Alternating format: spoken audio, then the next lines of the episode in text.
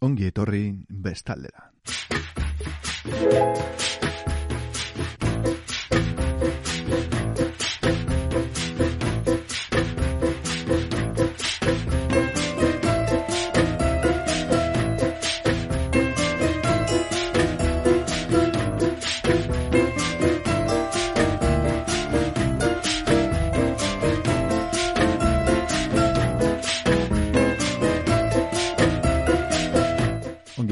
Bestaldera entzuleok, e, zer modu zaudete? Ni egia esan atzo baino hobeto nago, hautsa pixka bat eh, berreskuratu dut, eta sasoia pixka bat ere bai. Hortaz, egun guztiak ez dira bertin, eta gaurko abentzat, hobeto hasi da niretzat.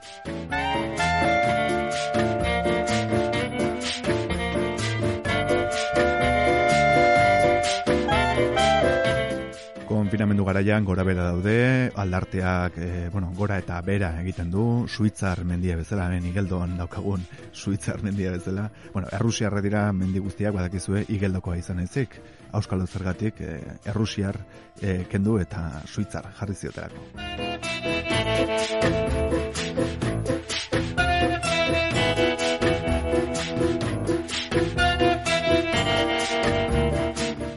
Gaurko saioak ere akaso gora eta bere egingo du, baina saiatuko gara goikoia mantentzen, horretarako primerako edukiak eh, prestatu ditugu, eta naiz eta agendarik eh, ez izan, eh, agenda fizikorik esan ezagun, agenda kultura agenda fizikorik, badaukagu sarean zabaltzen ari den, pixkanak zabaltzen ari den agenda bat, eta horri erreparatuko diogun deka etxean egitasmoari hain zuzen ere.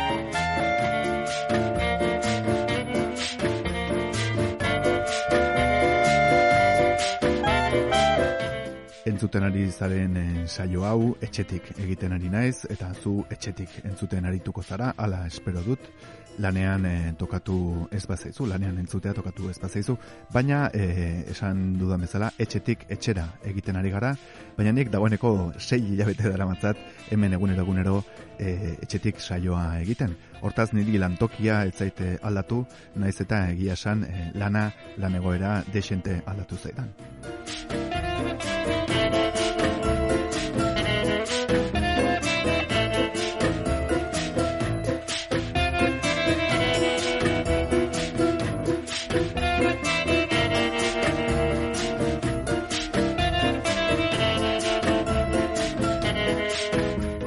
gaurkoan e, esan dut, e, bueno, aipatuko genuela deka etxean egitasmoa eta idazlea handi bat aipatuko dugu gaurkoan. Eta errepaso emango diogu bere ibilbideari. Silvia Plath izena du idazleak eta tira, lehenengo tabein Ryan Adamsen abesti bat entzuko dugu, bertsioa da noski Oasis taldearen Wonderwall ta, e, kantuarena.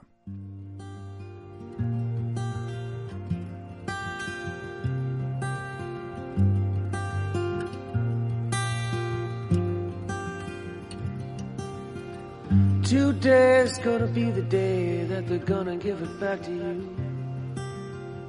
By now you should have somehow realized what you gotta do. I don't believe that anybody feels the way I do about you now.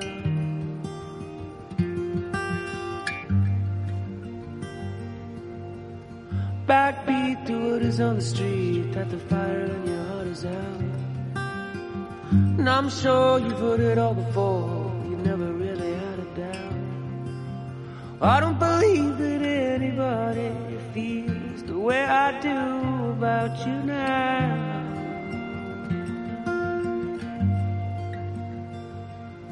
In all the roads we have to walk winding, and all the lights that lead the way are blinding. There are many things that I'd like to say to you, but I don't know how.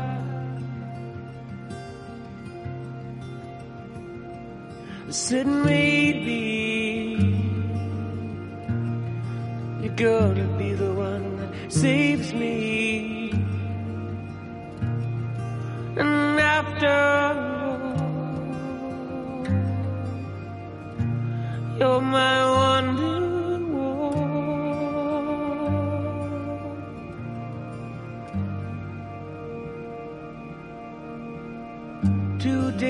Gonna be the day they'll never bring it back to you. By now you should have somehow realized what you gotta do. I don't believe that anybody feels the way I do about you now.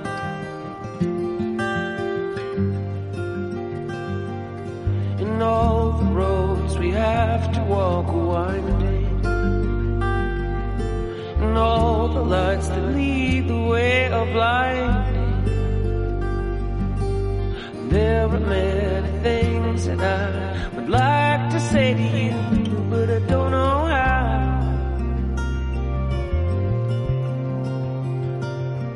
I said maybe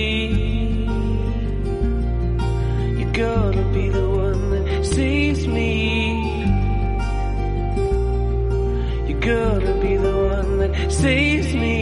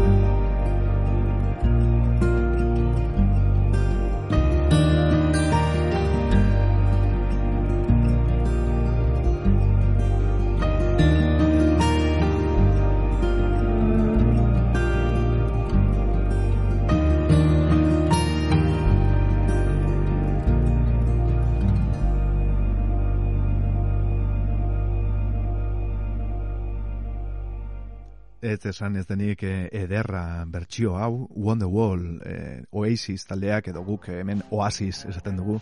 Ba, bueno, eh, ark talde ark egin zuen ezagun, baina niri personalki bertsio hau ba, kaso gehiago gustatzen zait eh, jatorrizko baino. Zer nahi duzu esatea?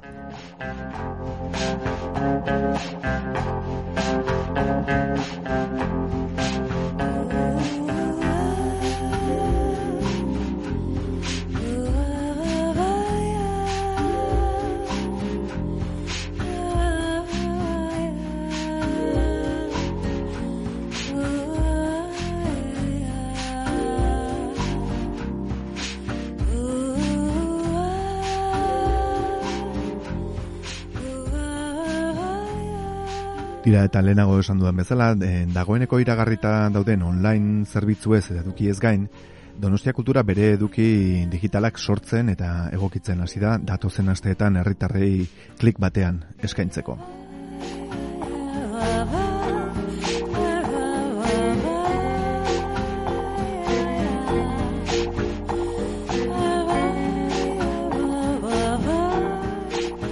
Lehen e, urrats gisa, a- atzo astelena ipuñaren ordua saioa hasi zen modu virtualean, lurkorta eta bere taldearen eskutik.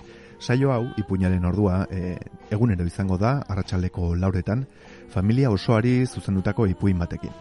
Saio hauek euskaraz izango dira, igandeetan izan ezik, e, horiek e, gaztelaniaz izango baitira, eta larun bateko saioa zeinu hizkuntzan eta euskaraz izango da.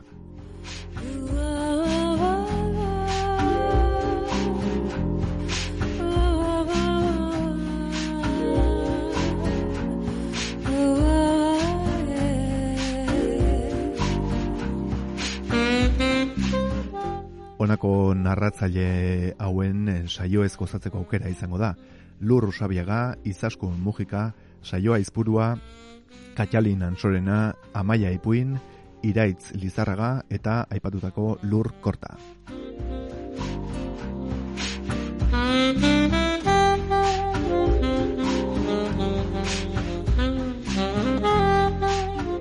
Atzo abiatu zen e, ekimen hau ipuinaren ordua, benetan e, txalogarria, behondeiela ipuin kontalariei, eta gozamena da, bueno, kontratua izatea donostia kulturarekin, eta, bueno, daukien ordainarekin, atzo insistitu nuen bezala, ba, egin izatea lan hau. Eta esan bezala, atzo lur e, korta aritu balimatzen, gaur amaia ipuinen txanda izango da, hartxaleko lauretan. Eta zuk entzule, eusten badiozu gure saioarekin, e, saio bukare arte, ba entzun izango duzu hemen bertan lur kortaren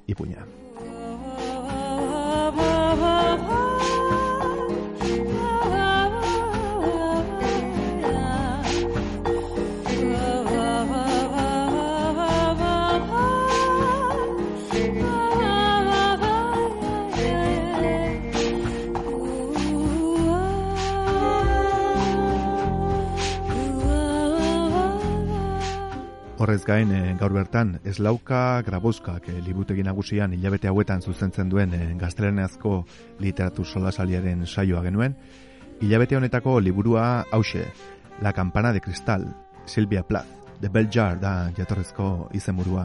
Eta aste arte honetako solasalia virtuala izango da, e, bideokonferentzia bidez, hartxaleko zazpi tardietan. Bertan parte hartu nahi dutenek, liburutegia alderdi eder, e, espazio gabe, dana elkarrekin, abildua donostia.eus elbidera idatzi beharko dute libutegiarekin eh, harremanetan eh, jartzeko. Eta esan dizuen bezala, Silvia Plath izango dugu gaur izpide, eta entzun dezagun Silvia Plathen ahotsa, Lady Lazarus, eh, poema eh, errezitatuz. Lady Lazarus I have done it again.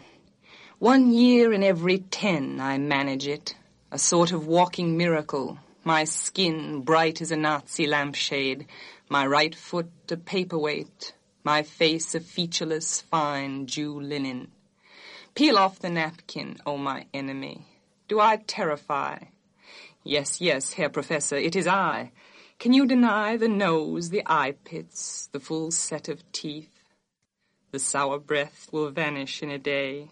Soon, soon the flesh the grave cave ate will be at home on me, and I a smiling woman. I am only thirty, and like the cat, I have nine times to die. This is number three. What a trash to annihilate each decade. What a million filaments. The peanut crunching crowd shoves in to see them unwrap me hand and foot. The big strip tease. Gentlemen, ladies, these are my hands, my knees. I may be skin and bone. I may be Japanese. Nevertheless, I am the same identical woman. The first time it happened, I was ten. It was an accident. The second time I meant to last it out and not come back at all. I rocked shut as a seashell. They had to call and call and pick the worms off me like sticky pearls. Dying is an art, like everything else. I do it exceptionally well. I do it so it feels like hell. I do it so it feels real. I guess you could say I've a call. It's easy enough to do it in a cell. It's easy enough to do it and stay put. It's the theatrical comeback in broad day to the same place, the same face, the same brute, amused shout, a miracle that knocks me out. There is a charge for the eyeing of my scars. There is a charge for the hearing of my heart. It really goes. And there is a charge, a very large charge, for a word or a touch or a bit of blood or a piece of my hair or my clothes. So, so, Herr Doctor. So, Herr Enemy. I am your opus. I am your valuable. The pure gold baby that melts to a shriek. I turn and burn. Do not think I underestimate your great concern. Ash, ash, you poke and stir, flesh, bone. There is nothing there, a cake of soap, a wedding ring, a gold filling. Hear God, hear Lucifer, beware, beware. Out of the ash I rise with my red hair, and I eat men like air. Izugarria Lady Lazarus esan dugun bezala Silvia Plathen eh, hautsean, eta orain zongo dugun kantuak izena du Enter Silvia Plath, Bell and Sebastian taldearen Girls in Peacetime Want to Dance. Hori da hori da zuzen e, albumaren izena eta esan bezala Silvia Plath poetaren e, zera izena agertzen da izen buruan Enter Silvia Plath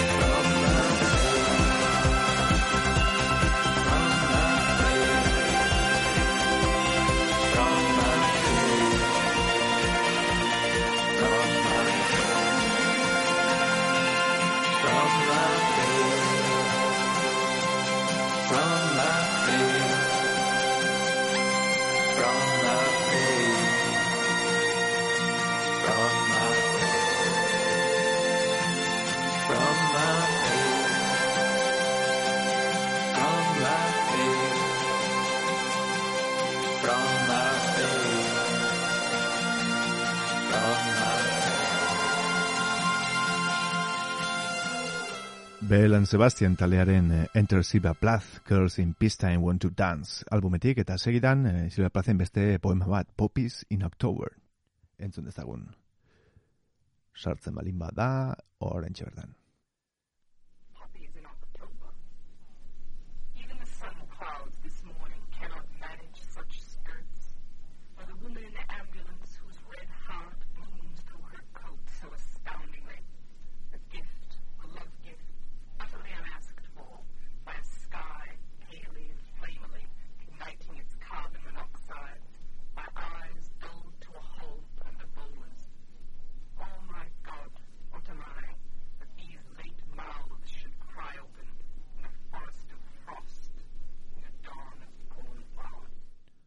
Horixe Silvia Plazen ahotsa berriz, eta orain entzun ezagun kantu bat, eh, hain zuzen izenburua duena Silvia Plaz. Egilea da lehenengo kantuan eh, jarri dizuetan Ryan Adams, eta albuma da Gold.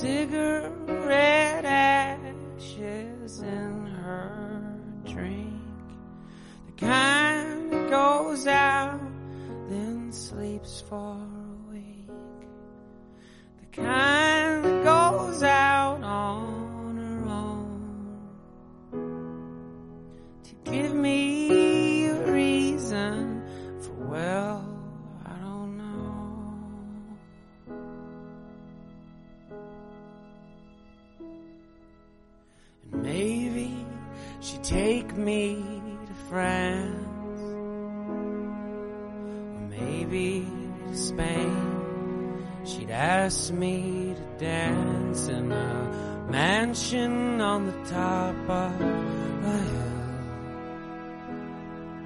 She'd ash on the carpet and slip me a pill, and she'd get me pretty loaded on gin.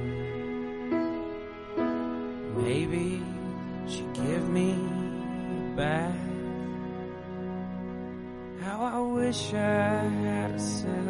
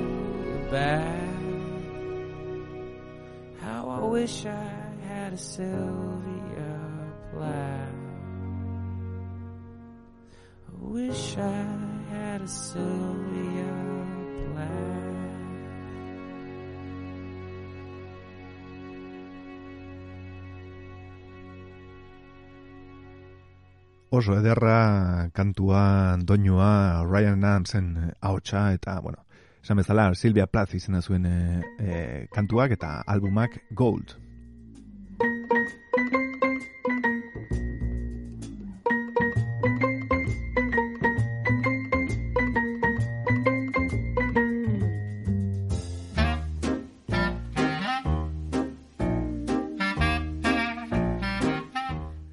Esan dudan bezala, gaur e, martxoaren hogeita maika da, eta arratsaleko zazpi terdietan, Slauka Grabouskak e, libutegin nagusian egitekoa zuen literatur solasaldia, ba, virtualki egingo dute bideokonferentzia bidez.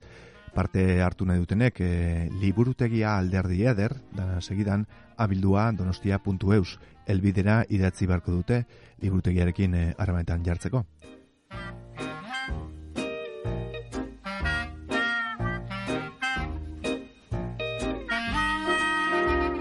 Kristalezko kanpaia, ingelesez The Bell Jar, Silvia Plath, eh, olerkari estatuatu harrak idatzitako eleberri bakarra da.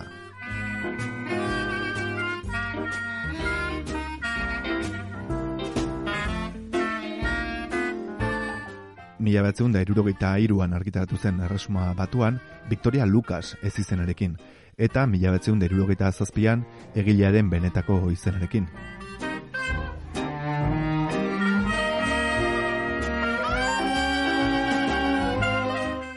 Mila batzion da irurogeita maikan eh, agertu zen lehen aldiz estatu batuetan, plazen zenarra zen eh, Ted Hughes eta honen amaren eh, nahiei jarraituz. Eleberri erdi autobiografiko bat da, non pertsona eta tokien izenak aldatuta dauden.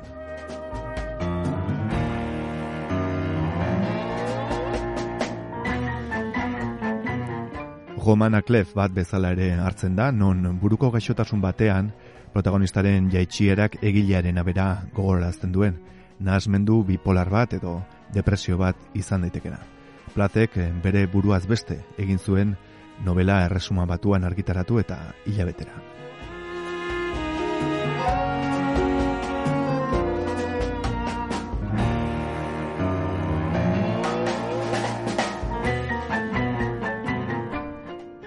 Plath, Silvia, estatuatuetako poeta eta eleberrigilea, Bostonen sortua mila batzun da hogeita amabian, eta esan Londresen illa mila batzun da irurogeita iruan.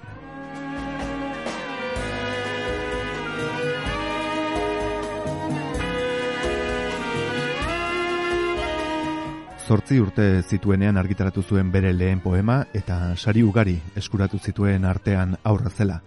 Cambridgeko unibertsitatean eh, irakasle izan zen, eta bertan ezkondu zen eh, Ted Hughes poetarekin. Plazen e, poemek, irudi zorrotzak, zarritan, bor, zarritan bortitzak, dituzte zauarri nagusitzat, lan nagusia dira The Colossus, mila batzen deruro gehian poema liburua da, eta The Bell Jar, batutako zera, eleberri autobiografikoa, eta baita nola ez, Ariel, edo guk Ariel, esango genuken, mila batzen bostean argitatua, poema bilduma.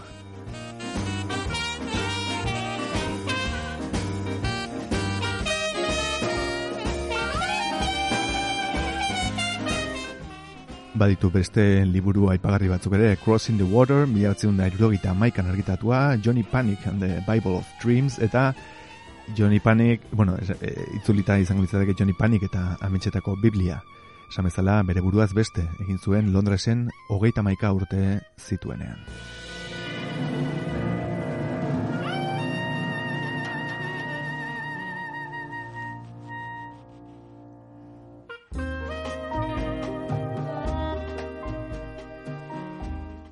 Eta orain patxa da pixka bat hartuko dugu, Belan Sebastian e, taldearekin, e, bueno, musika entzungo dugu, alegia, iztxilduko nahi zarte batez, eta kantuak izena du The Boy with the Arab Strap.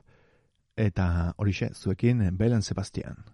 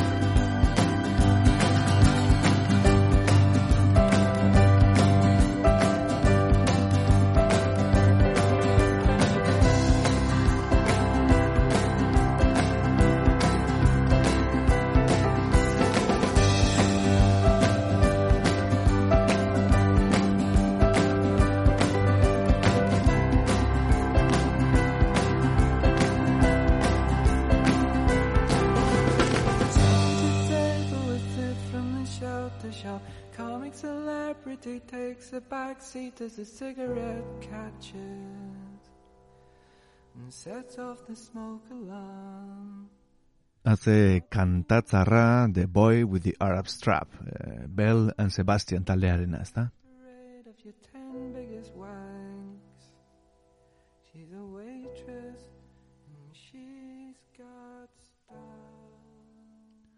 tira eta kantuaren amaiera aurrera aldez aurretik amaitu dute nik, baina hortxe zetorren. Eta guk segituko dugu Silvia Plazen ibilbidea errepasatuz.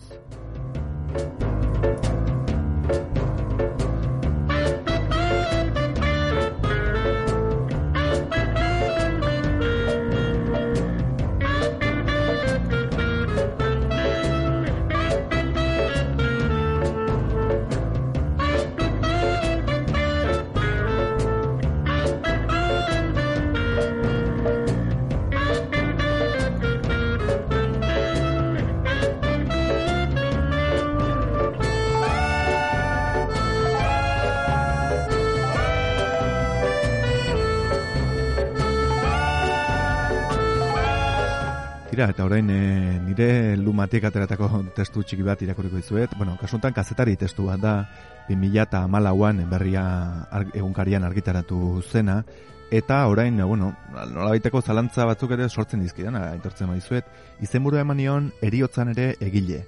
Eta ondoren, ba, inigo astizakin hitz nuen, eta berak, bere ustea zen, ba, bueno, garrantzik ematen zitzaiola, e, Silvia Plazek e, suizidioa egin izanari nik beste ideia bat nuen, e, alegia, bueno, gehiegi iskutatzen dela, e, suizidioa eta kaixotasun mentalek duten e, eragina.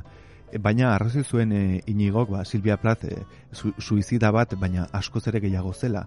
Baina, bueno, e, kontua da hori hori zela, bueno, testuan e, ikusiko duzuen bezala, ba, badu bere zentraltasuna e, Silvia Plathen e, suizidioak nuski.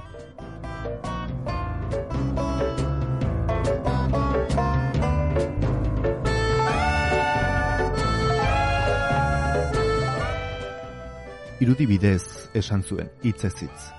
Vertikala naiz, baina nahiago nuke horizontala banintz. Alegia, bizitzea baino hiltzea zuela nahiago. Nirekiko naturalagoa da etzanik egotea. Orduan egiten dugu lasai hitz, zeruak eta biok. Eta horrela probetsugarri izango naiz, azkenik etzatean ere.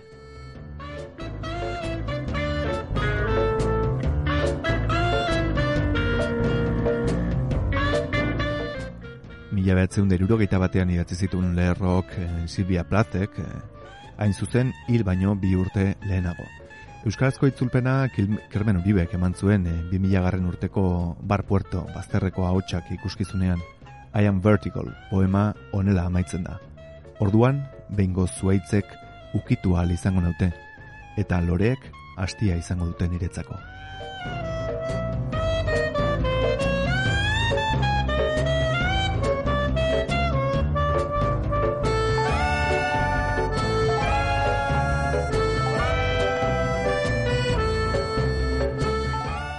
Egun eh, jakin badakigu poetak eh, nahasmendu bipolarra zuela, ziurrenik beheraldian idatziko zituen goiko hitzok. Alaber, jakina da urteetan hartu izan zuela beheraldien aurkako feneltzina botika.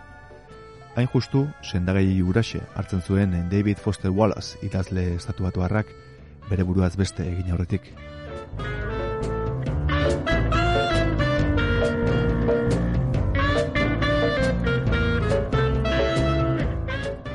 Kazetariok askotan ezkondu izan ditugu poesia eta malenkonia, literatura eta suizidioa. Adibideak etzaizkigu falta izan ere. Alejandra Pizarnik, Ann Sexton, Virginia Woolf. Iragan ostegunean, berri papen honetan bertan, ajarartxundik horietako batzuk gogoratzi zizkigun suizidioa testuan. Albert Camus, eh, Sandor Marai eta Cesare Pavese.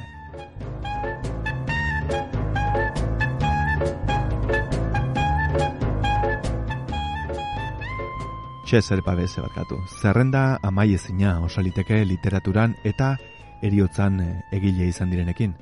Lertxundiren hitzetan, buruil, jainkoari esku hartu, norbere eskuzil, lepo egin duten horiekin. Hortaz, zer du berezi Silvia Plath idazleak?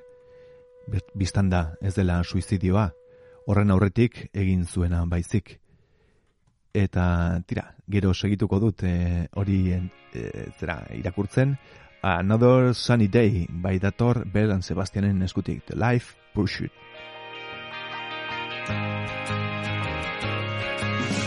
In the garden You were taking plants. I took you back your pardon. I took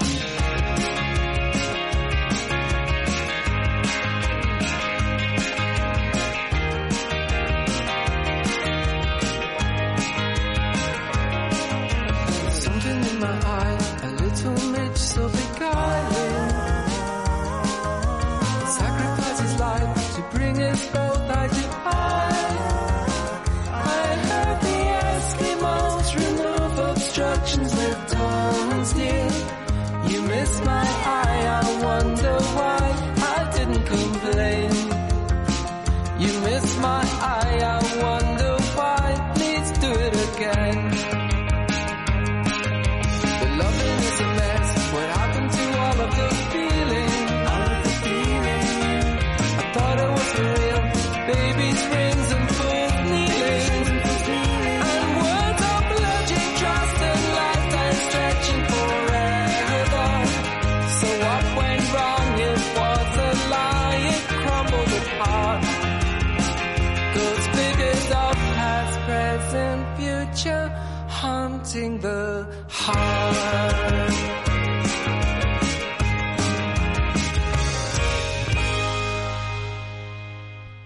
Ua, aurrekoa kantatzarra batzen, bazen hau kantatzarra berbi, Another Sunny Day, Bell and Sebastian, eta entzun ezagun Daddy, Silvia Plazen eskutik, hautsean. You do not do, you do not do any more black shoe in which I have lived like a foot for thirty years, poor and white, barely daring to breathe or chew. Daddy, I have had to kill you. You died before I had time, marble heavy, a bag full of God, ghastly statue with one grey toe big as a Frisco seal, and a head in the freakish Atlantic, where it pours bean green over blue in the waters off beautiful Nauset.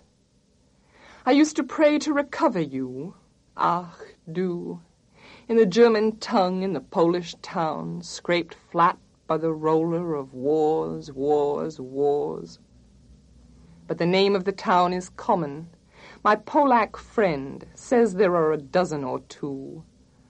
So I never could tell where you put your foot, your root. I never could talk to you. The tongue stuck in my jaw. It's stuck in a barbed wire snare. Ich, ich, ich, ich. I could hardly speak. I thought every German was you. And the language obscene, an engine, an engine, chuffing me off like a Jew. A Jew to Dachau, Auschwitz, Belsen. I began to talk like a Jew. I think I may well be a Jew. The snows of the Tyrol, the clear beer of Vienna, are not very pure or true. With my gypsy ancestress and my weird luck, and my Tarok pack and my Tarok pack, I may be a bit of a Jew. I have always been scared of you, with your Luftwaffe, your gobbledygoo, and your neat moustache, and your Aryan eye, bright blue. Panzerman, Panzerman, oh you, not God but a swastika, so black no sky could squeak through.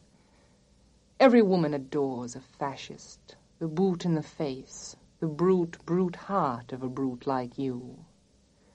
You stand at the blackboard, Daddy, in the picture I have of you, a cleft in your chin instead of your foot. But no less a devil for that, no, not any less the black man who bit my pretty red heart in two. I was ten when they buried you. At twenty I tried to die and get back, back, back to you. I thought even the bones would do. But they pulled me out of the sack and they stuck me together with glue. And then I knew what to do. I made a model of you, a man in black with a Mein Kampf look and a love of the rack and the screw, and I said, I do, I do. So, Daddy, I'm finally through. The black telephone's off at the root. The voices just can't worm through. If I've killed one man, I've killed two. The vampire who said he was you and drank my blood for a year. Seven years, if you want to know. Daddy, you can lie back now. There's a stake in your fat black heart, and the villagers never liked you. They are dancing and stamping on you. They always knew it was you. Daddy, daddy, you bastard, I'm through. Wow, e, izugarria da nola irakurtzen zuen, nola errezitatzen zuen Silvia Plazek, ez bakarrik ahotsa baita, bueno, auskatzeko era ere ikaragarria. Dari izan da hori, baita esaten zuen ere ikaragarria da. Eta bueno, orain eh, az- har dezagun eh, patxada bat, patxada tarte bat eh, Ryan Adams entzuteko When the Stars Go Blue. dancing out on 7th Street, dancing through the underground, dancing little I. Are you happy now?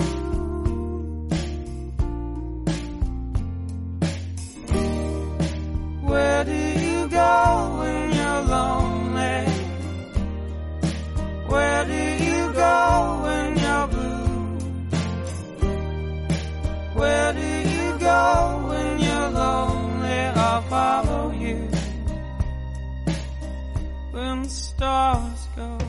blue,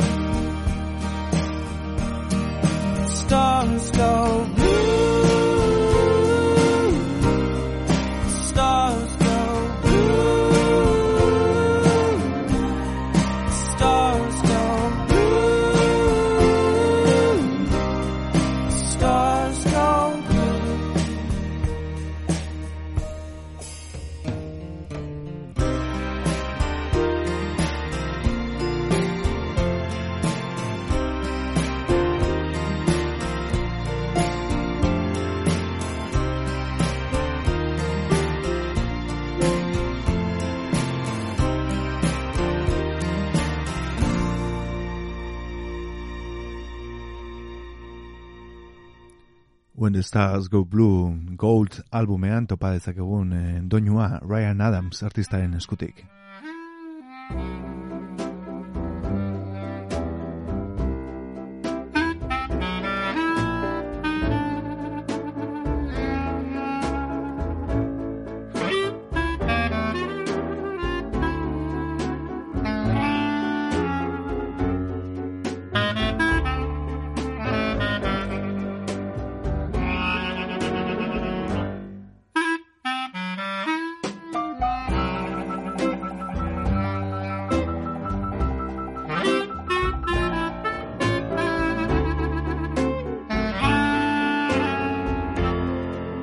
Eta esaten nintzen bezala, bueno, berrian, e, bueno, nik idatzi nuen testu bat, irari nintzen orain irakurtzen, 2008an atera zen argitara, eta justu urte bete lehenago, inigo astizek e, itzulita, eta denon artean argitaletxeak e, argitaratu zuen, liburu benetan eder bat.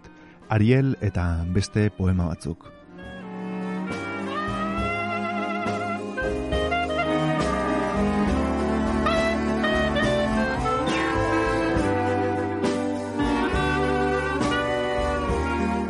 Liburuaren hitzaurrean honela dio Inigo Astizek.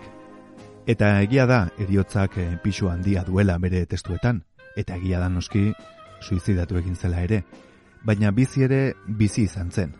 eta handia da bizitzaren presentzia bere idatzietan. Areago, bizitza horri idatzi zizkion bere lerro ederrenetariko batzuk, eta eskuartean duzun liburu hau da horren froga.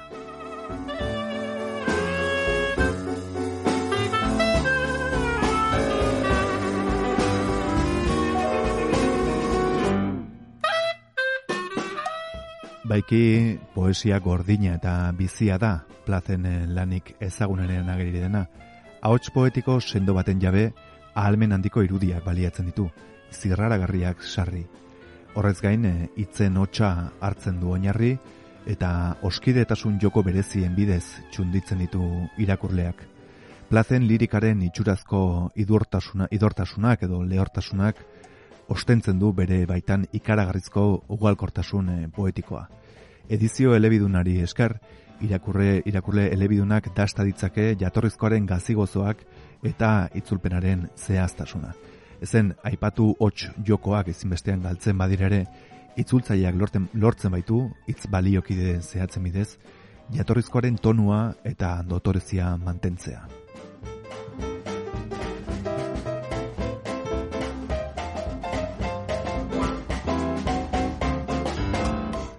Astizi galetuta Ariel lanetik zerk erakarri zuen, hau erantzun du. Irakurri nuenean lehenengoz gogoratzen dudana da lilura handi bat bertan eh, poetak sortzen dituen irudien gatik, haren ahotsagatik. Hemen sortzi bat urte zituenean izandako zirrara horri eutxina izan dio itzulpen prozesuan. Plazek eh, erritma, erritmo, doinu eta hitz joko asko egin ditu bere poemetan, eta erab ia virtuosoan da kapaza hitz askok duten esanei bikoitza poema osoan mantentzeko. Itzulpen lanean eh, gehien kostatu zaiona zera izan da, esanaiak galdu gabe, ahotsa eta jolasak mantentzea. Plaz izatea, baina euskaraz. Horregatik, e, iturriak esaten diona errespetatzen saiatu da, bortxatu gabe, ahots hori euskarara ekartzen.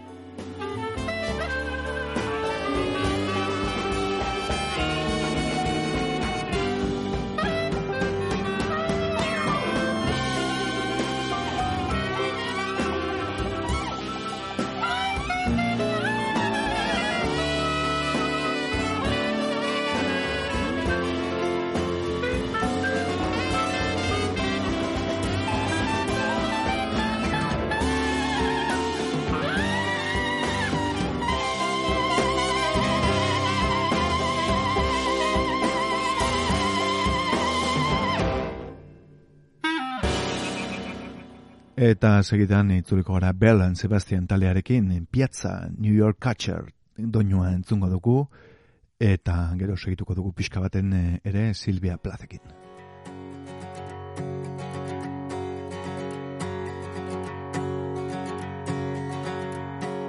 Help with me, Miss Private, and we'll sail around the world.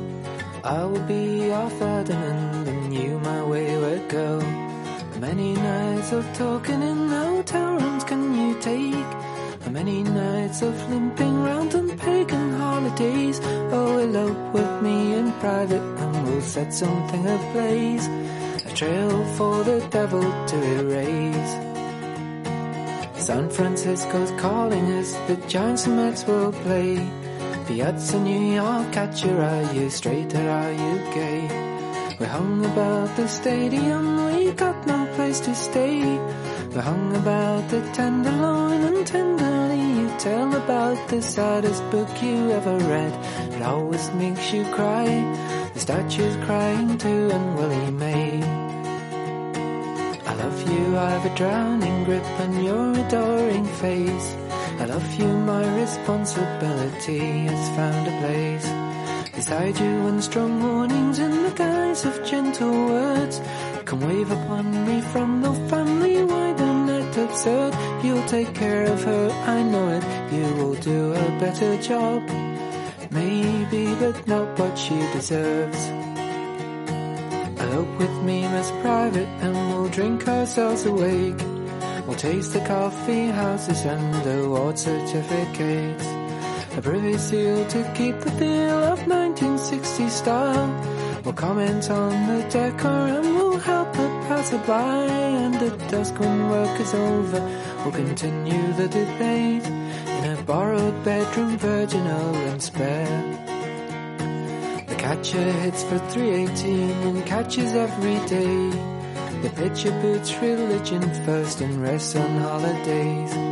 He goes into cathedrals and lies prostrate on the floor.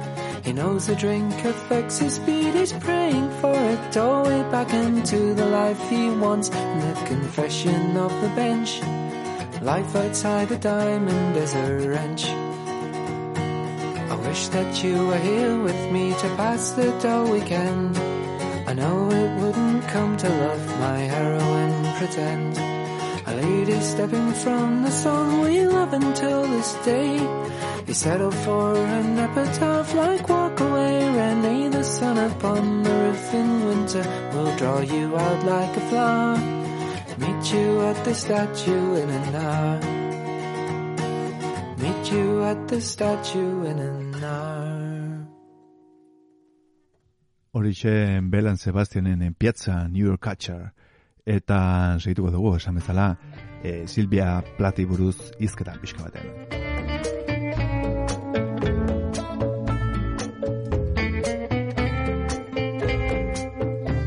Beinola Silvia Plati buruz idatzi nuen e, artikulu edo erreportaje hortan e, etxeko giltzak izeneko atala zetorren eta esan bezala berria egunkarian argitaratu zen, orain urartuko duzue agertzen aipamena esaten du plazen arrastoari jarraitu nahi dionak ez du zertan etxe honetatik urrundu. Etxea esaten nuenean egunkaria zein nintzen. Orain dela bi aste egunkariko horriotan eman zuen argitara Alex Kurrutxagak Plat poesia oiukatua preseski Ariel eta beste poema batzuk liburuari eginiko kritika. Testu horretan zenbait giltza ematen ditu kritikariak poetaren lanean sartzeko. Kontuan hartu beharrekoa dela esate baterako e, Plat bere lanak idazten ari zen bitartean, bigarren olatu feminista delakoa gertatzen ari zela. Bestalde, Robert Lowellek eh, urratutako bideari jarraikiz, eh, Anne Sextonekin batera aritu zen Plat, poesia konfesionala esaten zaion hori lantzen. Biografiatik abiatzen den poesia da, batez ere alderdi psikologikoari heltzen diona, eta garai hartan tabuak ziren gaiak jorratzen ditu, eromena, sexua, suizidioa eta abortua adibidez.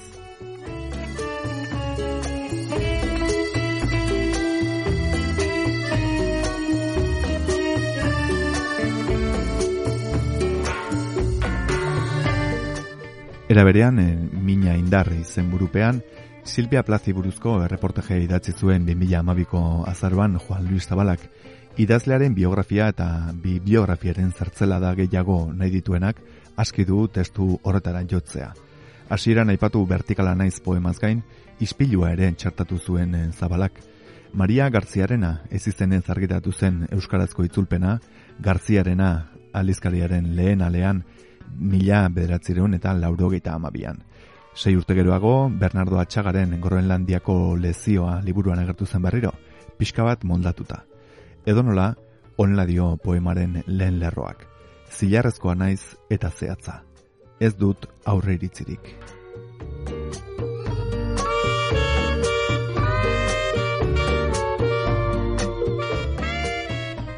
Jakina denez, mila betzen da irurogeita iruko otxailaren amaikan hil zen Silvia Plaz.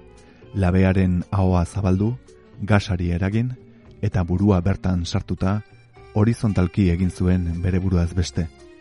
Aurrez, gosaria eraman zien seme alabei logelara, bizilagunari utzi zion ohar bat, hots egiozu, hots egiozu sendagileari, eta sukaldeko atele joetako zirrekituak arropa zestali zituen. Plazek hil zuen plaz, baina askok, haren senar Ted Hughes jo, jo zuten erruduntzat. Izan ere, hilabete batzuk lehenago utzi zuen eh, familia etxea, beste emakume idazle batekin bizitzeko. Hain zuzen ere, Hughesek eh, hartu zuen eh, plazen lanak editatzeko ardura, eta familia babesteko aitzakian, haren idazlan ugari moldatu edota suntsitu zituen. Kontua kontu, eriotzaren ostean heldu zen eh, plazen literatur loraldia.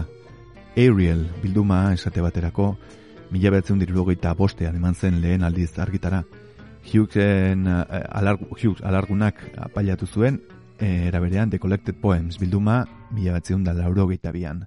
Lan ari esker eman zioten Silvia Plathi poesiaren pulitzar saria, eta bera izan zen, hain justu, sari hori hil ondoren jasu zuen lehenengo idazlea.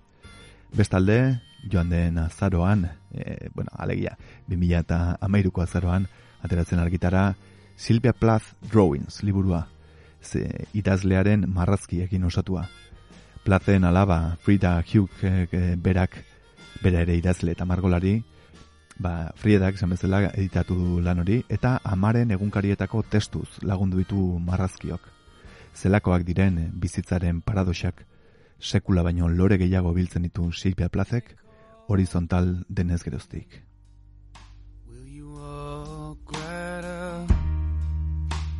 Smile on your face? We cower in fear in your favorite sweater with an old love letter. I wish you would. I wish you would come pick me up,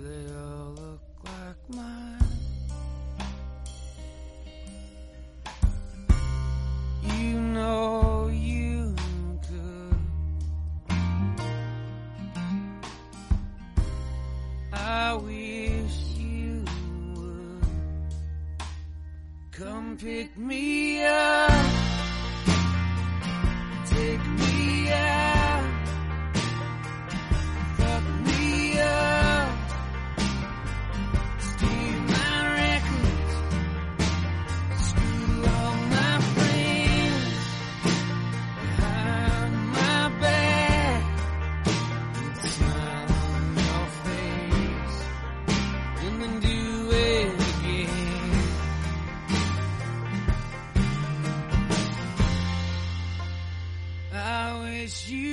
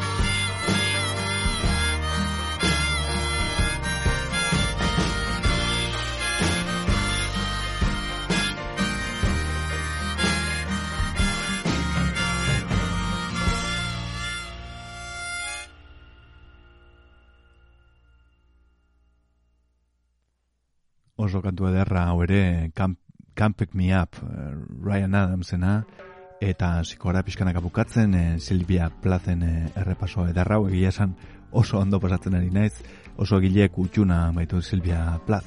Eta ikusten duzuenez Euskaldunok ere oso maitea dugu. Asko itzuli izan dugulako eta asko irakurri izan dugulako Silvia Plaz bai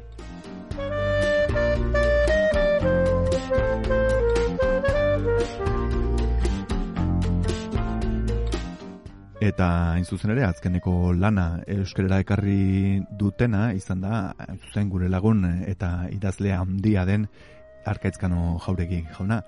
I, I Silvia Platek, e, 2000, bueno, barkatu, e, arkaitzek 2000 eta emezortzian e, atera zuen e, argitara, Silvia Plazen, e, barkatu, hiru emakume, joan egin zait, ornagailuko zera, eta orain bertan ezin du, bai, hiru emakume izeneko liburua zen, Silvia Plath zuzen zuzen iristen da bihotzeraino beti.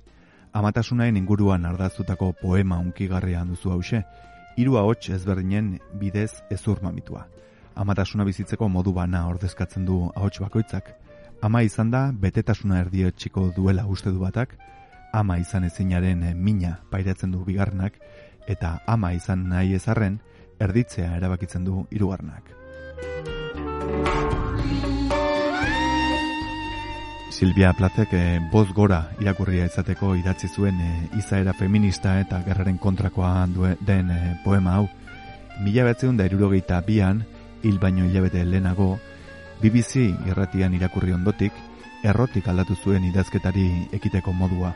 Une hartatik aurrera, bere ahotsean entzunda baino, ezin sor zitzakeen poemak.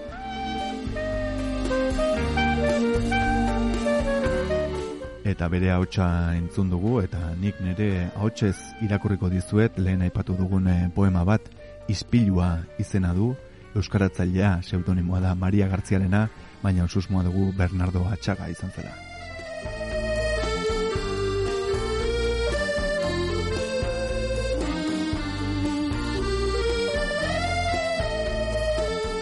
Zilarrezkoa naiz eta zehatza. Ez dut aurreritzirik ikusten dudan guztia irentsi egiten dut segituan. Bere hartan, maitasun edo gaitzespenaren lausori gabe. Ez naiz krudela, soilik egiatia. Jaungoiko txipi baten begia, lau hartzetakoa. Denborarik gehiena aurreko horma zausnartzen joaten zait. Arrosa da, tantoekin. Hain luzaro egon netzaio begira, nere bihotzaren zati bat dela uste dut. Baina gogora berak ditu, aurpegiek eta iluntasunak banandu egiten gaituzte behin eta berriro. Aintzira bat naiz orain. Andre bat nigan amargut makurtzen da. Zerote den bera zinez nere luze zabalean aztertuz. Gero gezurti hori ingana bihurtzen da, kandela edo ilargiari buruz. Bere bizkarra ikusi eta isladatu egiten dut fidelki. Eskuak astinduz eta malkoekin saritzen nau. Importantea naiz berarentzat etorri eta joan egiten zait. Bere aurpegiak hartzen du goizero iluntasunaren lekua. Neska gazte bat ito du nigan, eta nigan hartzen dio gaina, Andre Zahar batek, egunez egun, arrain izugarri baten modura. Silvia Plath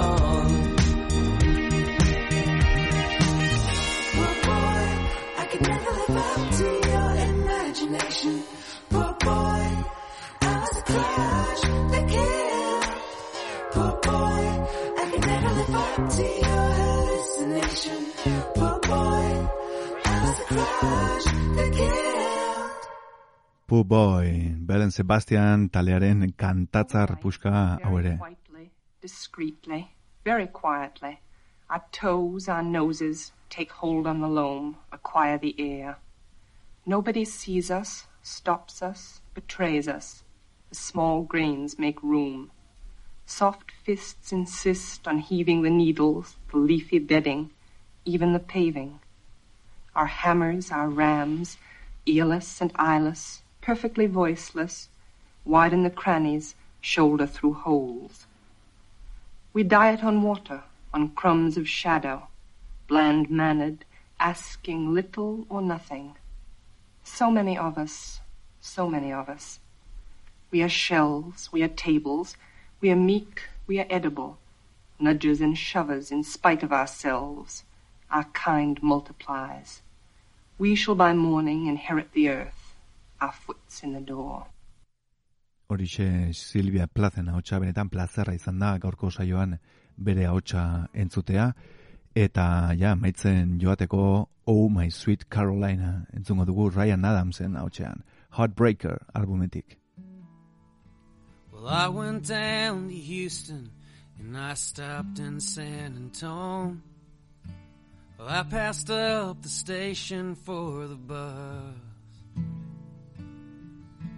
Was trying to find me something, but I wasn't sure just what. Man, I ended up with pockets full of dust. So I went on to Cleveland and I ended up insane. I bought a borrowed suit and learned to dance.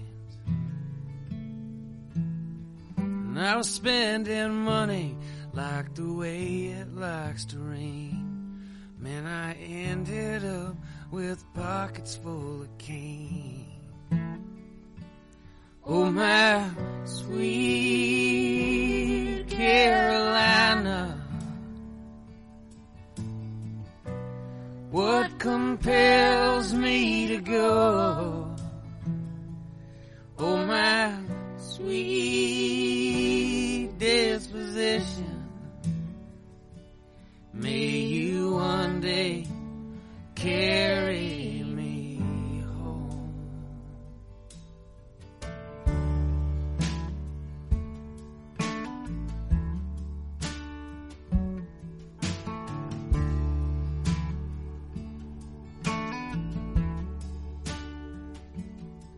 I never been to Vegas, but I life. Building newsprint boats, I raced to Superman. Trying to find me something, but I wasn't sure just what. Funny how they say that some things never change. Oh, my sweet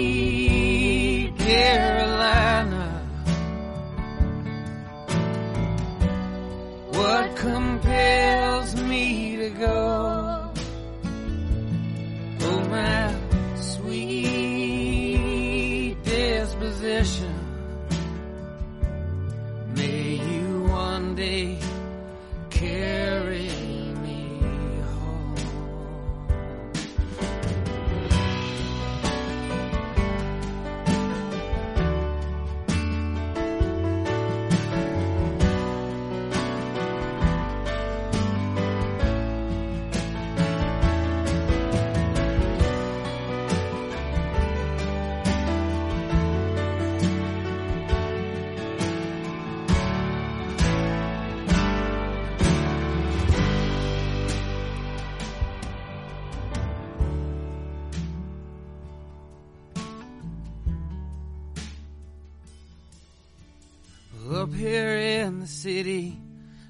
like things are closing in.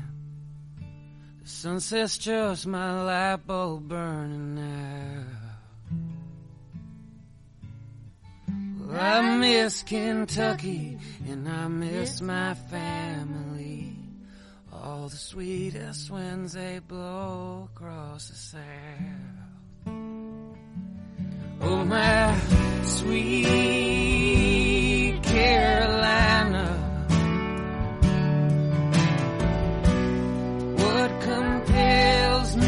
Go?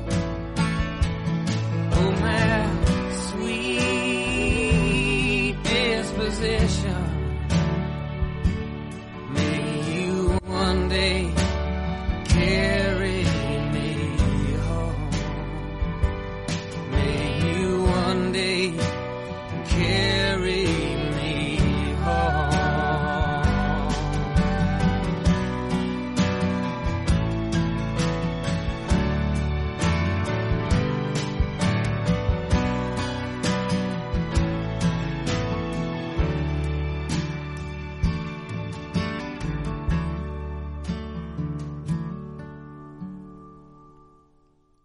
Sweet Carolina izan hori Ryan Adams artista paregabearen Heartbreaker albumetik.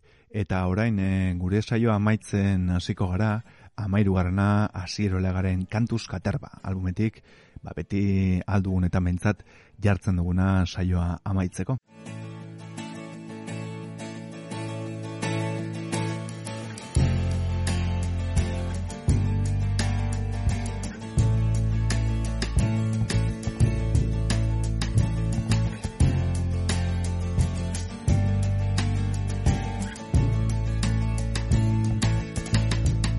Saioaren hasieran esan dudan bezala, eh, dagoeneko iragarreta dauden online zerbitzuez eta eduki ez gain, Badonostia kultura bere eduki digitalak sortzen eta egitzen hasi da, besteak beste, ba, bueno, eh, bestalde saio hau agendan sartu dute, naiz eta badara matzagun sei hilabete egia esan eh, saioa egiten, kasares irratian zenaren sintonian hemen, deka irratian, donostia kultura irratian.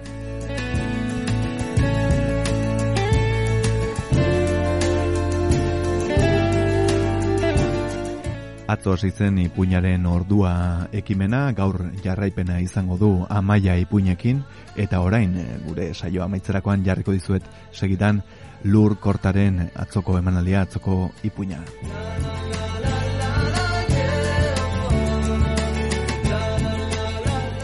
Gogoratu bestalde gaur eslaukak rabouskak eh, gidatzen duen eh, litatu solasaldia izango dela virtuala bideokonferentzia bidez La Campana de Cristal Silvia Platen The Bell Jar liburuaren gaztelerazko itzulpena aipatuko dute.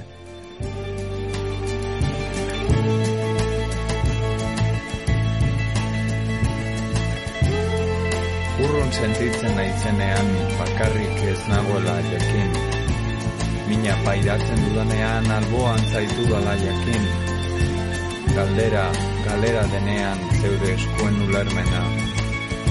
Zalantzan korabilatuta zeu zaitu ulertzen duena.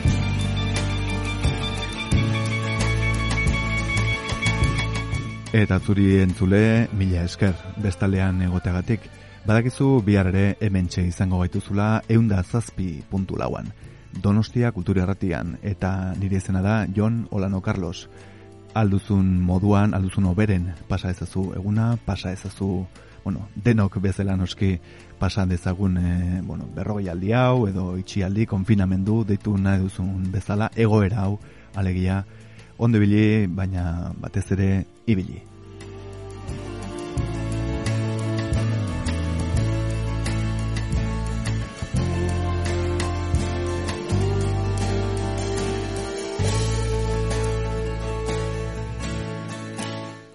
Eta esan bezala segidan lurkortaren e, ipuinaren ordua entzungo dugu. Kaixo lagunak, lurkorta naiz. Prest zaudete ipuina entzuteko? Ba, hau da, donostiako ipuinaren ordua. Behin batean, ba omen zen gizon zahar bat. Joan zen baratzera eta hartu zuen aza berde-berdea. Gero egin zuen kaka berde-berde-berdea, hori norentzat? ahoa irekitzen duenarentzat. Bueno, gorkoan, eh, arratoitxo baten historioa. Zuek emerindatu duzu dagoeneko? Arratoitxoari tortillak asko gustatzen zitzaizkion. Baita niri ere. E, eta tortilla bat egiteko ze behar dugu? Mm, pentsatu, eh? Ze behar dugu? Hori da, tortilla bat egiteko behar duguna, arrautza da. Berak, tortilla batekin nahi zuen. Beraz, ea, bere lagunetakon batek arrautz bat bazuen, bila joan zen. Lehenengo, txoritxo bat topatu zuen, eta esan zion, ei txoritxo, badaukazu arrautz bat, tortilla bat egin nahiko nuke, eta berak esan zuen, ez, "Mm, nahi balin baduzu irina daukat. Ah, primeran, irina baldin badaukazu, eta arrautz bat lortzen baldin badugu, ba tortilla bat egin beharrean, pastel bat egin dezakegu. Ea, ea baten batek badaukan arrautz bat. Eta joan ziren biak elkarrekin, txoritxoa eta arratoia, liroiaren gara. Eta liroiari galtu zuten. Aizu liroia, zu badaukazu arrautz bat, pastel bat egin nahiko genuke, eta berak esan zuen. Ez, arrautzik ez daukat, baina, baina jurina bai. Ah, ba, primeran. Ea, ea besten batek badaukan arrautz bat. Beraz, txoritxoa, arratoitxoa eta liroia joan ziren, ba, ea pastela egiteko, ba, arrautzen bat e, topatzen zuten, ea baten batek bazeukan. Eta orduan, joan ziren satorraren gana. Eta satorrari galdetu zioten. Aizu, satorra, zu badaukazu arrautza? Pastel bat egin nahiko genuke. Eta berak zuen, ez, arrautzik ez daukat. Daukadana, azukrea da. Oh, primeran, azukrea, primeran. Azukrea balin badaukagu, eta gurina balin badaukagu, eta irina balin badaukagu, pastel bikaina aterako zaigu. Baina oraindik arrautza beharko genuke. Beraz, arratoitxoa, txoritxoa eta liroia, noski, satorrarekin batera, joan ziren, ba ea beste animaliren bat topatzen zuten, eta ea arautzik bat zeukan. E, e, aizu, bizilagun jartzen du hemen. Izango alduzu arrautz bat pastel bat egiteko. Eta esan zuen trikuak, ez, nik ez daukat arrautzik, baina bai ordea sagarrak, sagarpila baditut, sagartarta egin dezakezue. Oh, primeran esan zuten beste. Noski, sagartarta egingo dugu. Beraz, txoritxoa, em, arratoitxoa, em, liroia, eta trikua joan ziren beste animali honen gana. Ze animali izango da? Ba bai, mapatxea da. Eta mapatxeari galdetu zioten. Aizu mapatxe, zu badaukazu arrautzen bat, pastel bat egin nahiko genuke. Oh, ba ez, ez daukat. Daukadana da kanela. Kanela? Kanela pastelari gainetik bota ezkero? Goxo, goxo, goxo, goxoa geratzen da. Ah, ba primeran. Ea, ea, topatzen dugun animaliren bat. Arautza daukana. Eta orduan, joan ziren muskarraren gana. Han joan ziren. Arratoitxoa, txoritxoa, eliroia, satorra, trikua eta mapatxea. Muskerraren gana. Aizu, muskerra, zuk ba daukazu arrautzik, pastel bat egin nahiko genuke. Eta berak santzen, ez, nik nahi balin badituzue, pasak ditut. Pasak. Tartari, pastelari, bota ezkero, goxo-goxoa geratuko zaizue. Oh, ba primeran.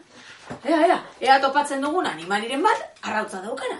Berazan joan ziren, arratoitxoa, txoritxoa, liroia, satorra, trikua, mapatxea eta muskerra, ba ea topatzen zuten animaliren bat, arrautza zeukana. Eta begira, xaguxarrarekin topatu ziren. Ez du xaguxarra, zuban daukazu arrautzen bat pastela egiteko. Ja bazeukaten noski dagoeneko bazeukaten irina, gurina, azukrea, sagarra, kanela, paxa batzuk. Eta berak esan zuen, bai, dik badaukat arrautza. Eta begira ze handia gainera. Uh, primeran, beraz arratoitxoa, denan astu zuen. Irina, arrautza, gurina, azukrea, masa bat egin zuen guztiarekin. Sartu zituen sagar zatitxoa kanela eta pasak bota. Eta hori dena presteukatenez, esan zuten, listo, orain, ara, orain falta zaiguna, labea da. He, ontzak badauka labea. Oazen, oazen ontzaren etxera. Berez, ontzaren etxera joan ziren, eta labean sartu zuten. Eta egon ziren, zai, prezegoenean labea kling egin zuen. Eta ontzak esan zien, ongi da, eta orain, zenbat pusketetan egingo dut sagartarta hau. Eta esan zuten, bueno, txoritxoa jarri du irina, liroia jarri du gurina, satorra jarri du azukrea, trikuak sagarrak, mapatxak kanela, muskerrak paxak, eta noski, xaguxarrak arrautzak. Eta zuk ontza, bazu jarri duzu labea, beraz, zortzi zati. Zortzi zati. Eta orduan arratoitxoak esan zuen. Eta ni? Eta nire zatia? Eta era esan zioten, zuk ez duzu ezer jarri. Zu ze jarri duzu. Zuk ez duzu ezer jarri. Beraz arratoitxoa negarrez joan zen. Besteak pentsakor geratu ziren, eh? Esan zuen txoritxoa, ba, egia esan, ez balitz etorri nire etxera arrautzeske, nik ez nion, irina emango. Eta orduan esan zuen, liroiak bai, egia da, eh? Eta nire etxera ez balitz etorri arrautz bila, nik ez nion urina emango. Eta orduan denak pentsatu zuten, aizue, bere ideia izan da, berak ere bere zatia behar du. Baina, baina, baina ze zaila, pastel bat beder- bederatzi zatitan egitea oso zaila da. Esan zuten, bai, oso zaila da, baina saiatu beharko dugu. Zeren batzuetan, gauzak ez dira iza, eza- errezak izaten, baina denen artean, bultzada bat eginez, denak pozik egon gaitezke. Hori pentsatu zuten eta hori egin zuten.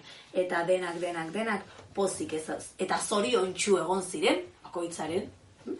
tarta, zatia, jan eta gero. Eta horrela geratu zen, platera, utxutxa, goxo, goxo, goxoa, zegoelako. Eta katu-katu, ipuñau, bukatu,